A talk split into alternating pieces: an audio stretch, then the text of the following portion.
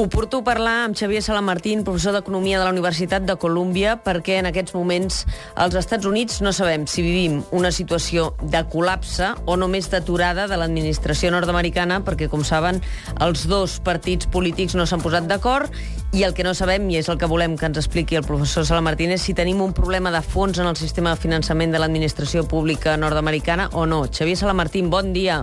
Hola, molt bon dia. They've shut down Han tancat el govern per una creuada ideològica, per negar assegurança mèdica a l'abast a milions d'americans.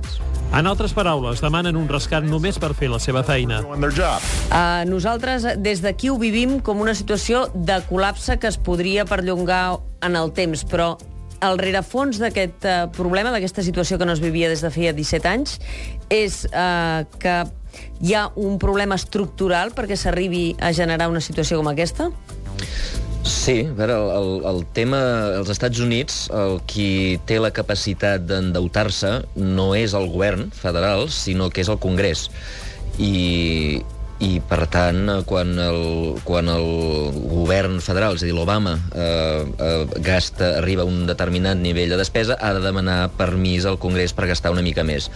El problema apareix quan el Congrés no està dominat pel seu partit, sinó que està dominat per l'altre partit, és a dir, els republicans, eh, que aleshores eh, utilitzen el fet de que l'Obama els hagi de demanar permís per extraure rèdits polítics.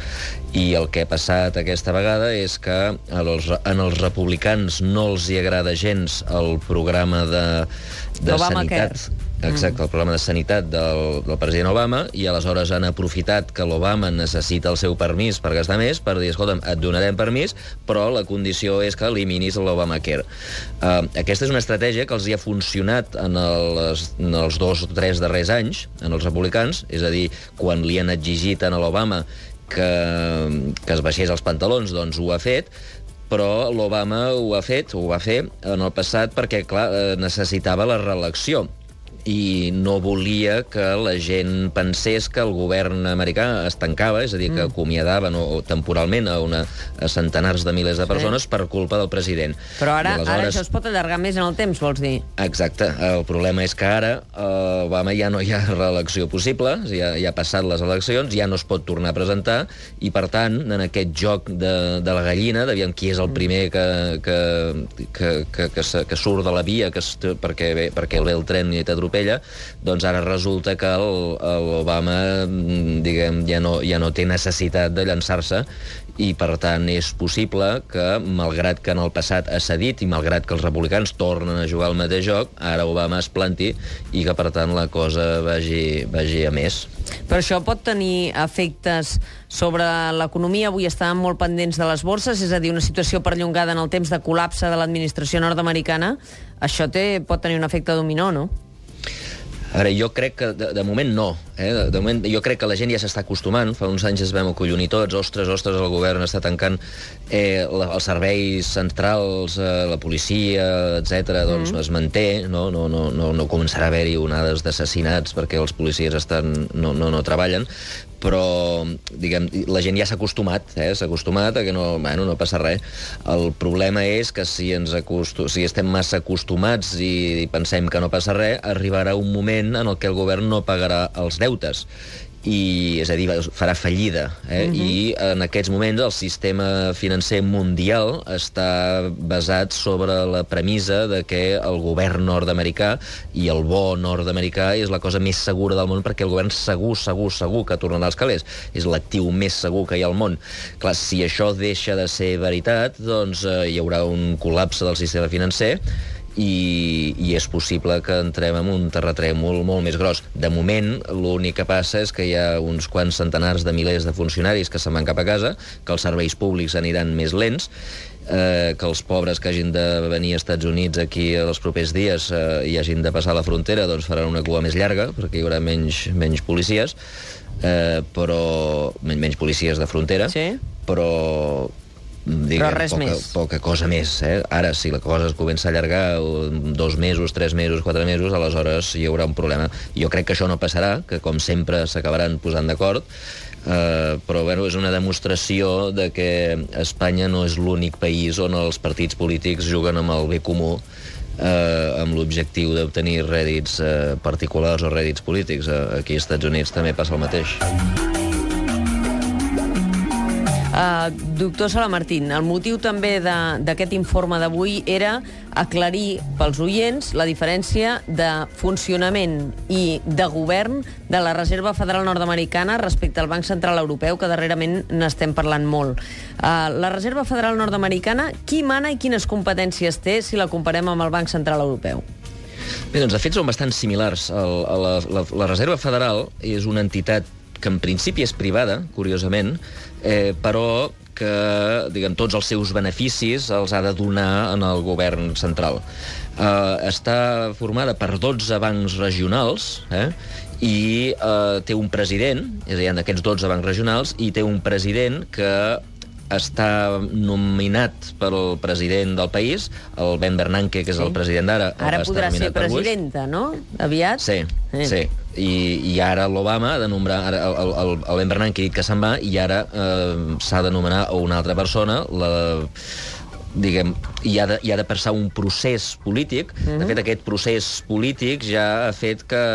O sigui, la por de passar aquest procés polític ja ha fet que el candidat favorit del, del president Obama, que és el Larry Summers, el professor mm -hmm. Summers de la Universitat de Harvard, doncs hagi, hagi tirat la tovallola i hagi marxat eh, perquè els demòcrates no, no li donaven suport i, per tant, ara sembla que el candidat, efectivament, és, eh, és una senyora, diguem, una, eh? una professora de la Universitat de Berkeley, que es diu Janet Yellen, Janet Yellen. i però ha de passar aquest procés electoral. El Banc Central Europeu, per la seva banda, també està format per el que podrien ser 17 mm, bancs regionals, en mm. aquest cas els bancs, eh, els bancs de cada país, el Banc sí. Central de cada país, el Banco d'Espanya, sí. en el cas d'Espanya, i això és el, el Consell de Govern, està format per aquests 17 bancs, però llavors hi ha un Consell Executiu, sí. en el qual hi ha un president que es diu Mario Draghi, un vicepresident, que és un grec, i després hi ha quatre membres en els quals no hi ha cap, eh, entre els quals no hi ha cap espanyol. Que aquests són els que realment manen, no, no reporten formalment els 17 governadors dels bancs de centrals de cadascun dels estats de l'eurozona, però en realitat Uh, qui governa és Mario Draghi i aquest comitè més, Exactament, més executiu, sí, sí. no? Sí, sí, sí, sí. Aleshores, la diferència essencial entre Reserva Federal i Banc Central Europeu és la capacitat uh, que té la Reserva Federal de comprar deute i, en canvi, el Banc Central Europeu de no poder mm, comprar deute directament dels estats? És aquesta la diferència fonamental? Sí, hi ha, hi ha diverses diferències, però jo crec que la més important és l'objectiu. Uh -huh. eh, la, la, la, la Constitució del Banc Central Europeu diu que l'objectiu únic objectiu únic del Banc Central Europeu és l'estabilitat de preus, és a dir, garantir que no hi ha inflació a dins d'Europa. La Reserva Federal, per contra, té dos objectius. Un és l'estabilitat de preus, que no hi hagi inflació, però després que no hi hagi crisis econòmiques. Uh -huh. eh? Per això és aquesta dir... injecció, per això aquesta pròrroga de la injecció de liquiditat, no? Exactament. Ara, recentment? En, exactament. Aleshores, diguem, el, el, el Banc Central Europeu, quan se li diu, escolta, ens has d'ajudar, quan els governs li diuen ens has d'ajudar a sortir de la crisi, ells miren els estatuts i diuen no, no puc. Els meus estatuts diuen que haig de mirar la inflació. Uh, el govern dels Estats Units, en canvi, pot anar al govern de la Reserva Federal i dir, escolta, estem a punt de col·lapsar, necessito que facis coses. Quines coses fa el govern, diguem, el Banc Central dels Estats Units, el Banc de la Reserva Federal? Doncs ha fet bàsicament dues coses. Una, posar els tipus d'interès gairebé a zero. Sí. Eh, Això seria exactament el mateix que ha fet Mario Draghi o que ha mantingut Exacte. Mario Draghi respecte al Trixet.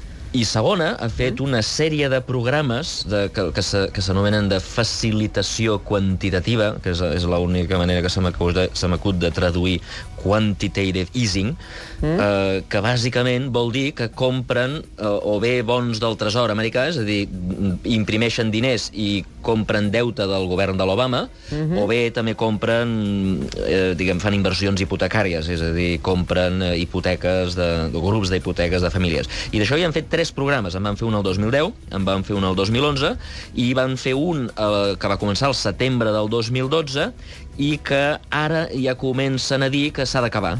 Eh? Eh, aquest programa d'ara, el Quantitative Easing 3, el QE3 que es mm. diu ara, eh, bàsicament compra uns 85.000 milions de, de dòlars mensuals, eh, cada mes. Per tant, és una brutal quantitat de diners que, el, que la Reserva Federal imprimeix i que utilitza per comprar bons. Eh, ara mateix s'està dient que això el que fa és que eh, crea un gran perill de que hi hagi bombolles Sí. del mateix tipus que les bombolles immobiliàries que han causat aquesta crisi i, per tant, ja es comença a dir que s'ha d'acabar aquest programa i Que aniríem eh, política d'estímuls econòmics en això, eh? Aniríem així, a la, d'això? a, la, a la de fer-ho, no a la Sí, de treure. a la de fer-ho, a la de fer-ho. A la de fer-ho. La de fer-ho, sí. Però que pot política crear aquestes bombolles, no?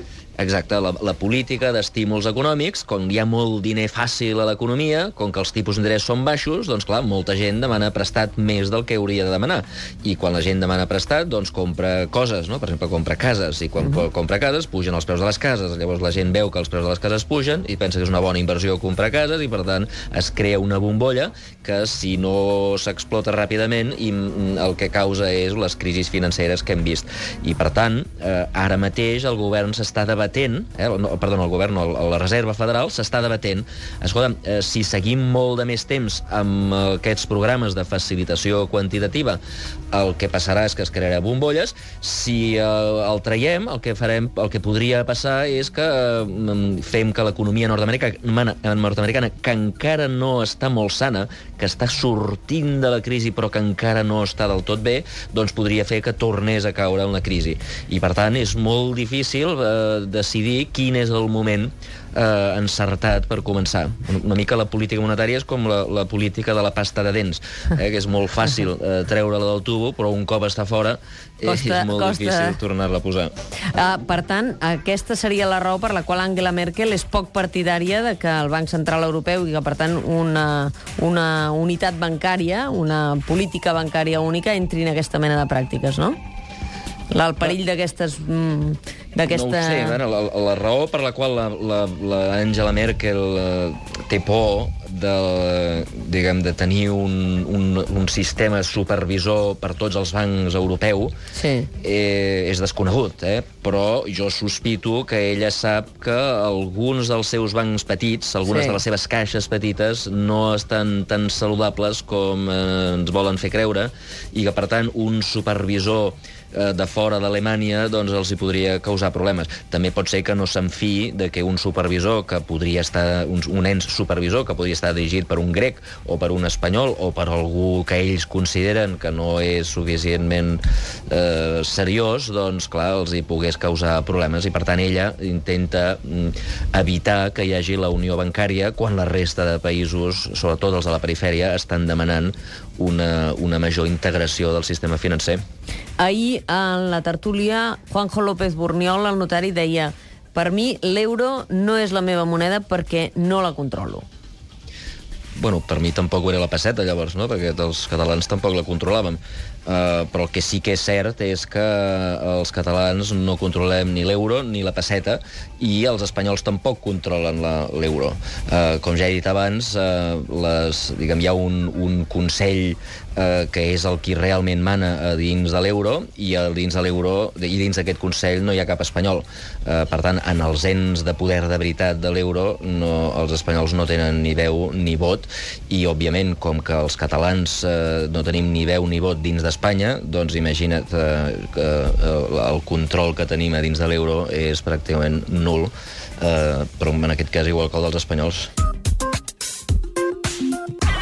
Sala Martín, una última pregunta. Es pot mantenir durant molt de temps el tipus d'interès tan baix com estan ara en el Banc Central Europeu? Aquesta situació pot, com va dir Mario Draghi, mantenir-se per un llarg període de temps?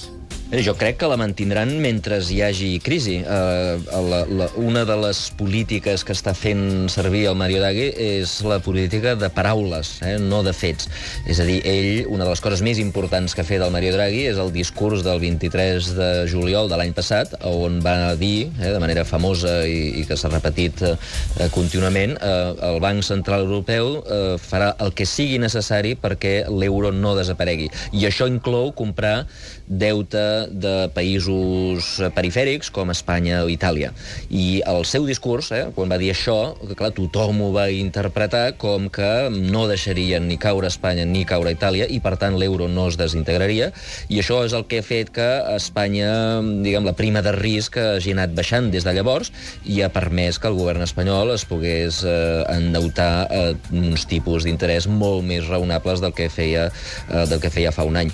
Jo crec que en aquests moments eh, començar una política de, de, pujar, de tornar a pujar els tipus d'interès eh, mentre l'economia europea no està no, està, no ha sortit de la crisi, sobretot l'economia del sur de, de, de, o de la perifèria d'Europa no ha sortit de la crisi, seria un moviment suïcida que podria tornar als pànics que, que, els, que vam viure fa un any. Pànics d'especulació contra Grècia, pànics d'especulació contra Espanya i contra Itàlia, contra Itàlia, pujades de primes de risc, etc etc. Tot allò ha desaparegut gràcies al Draghi. No crec que sigui el moment de, de tirar enrere en aquest sentit. Professor Salamartín, d'aquí 15 dies ens tornem a trobar per fer un altre informe. Gràcies. Moltes gràcies a vosaltres. Gràcies, bon dia.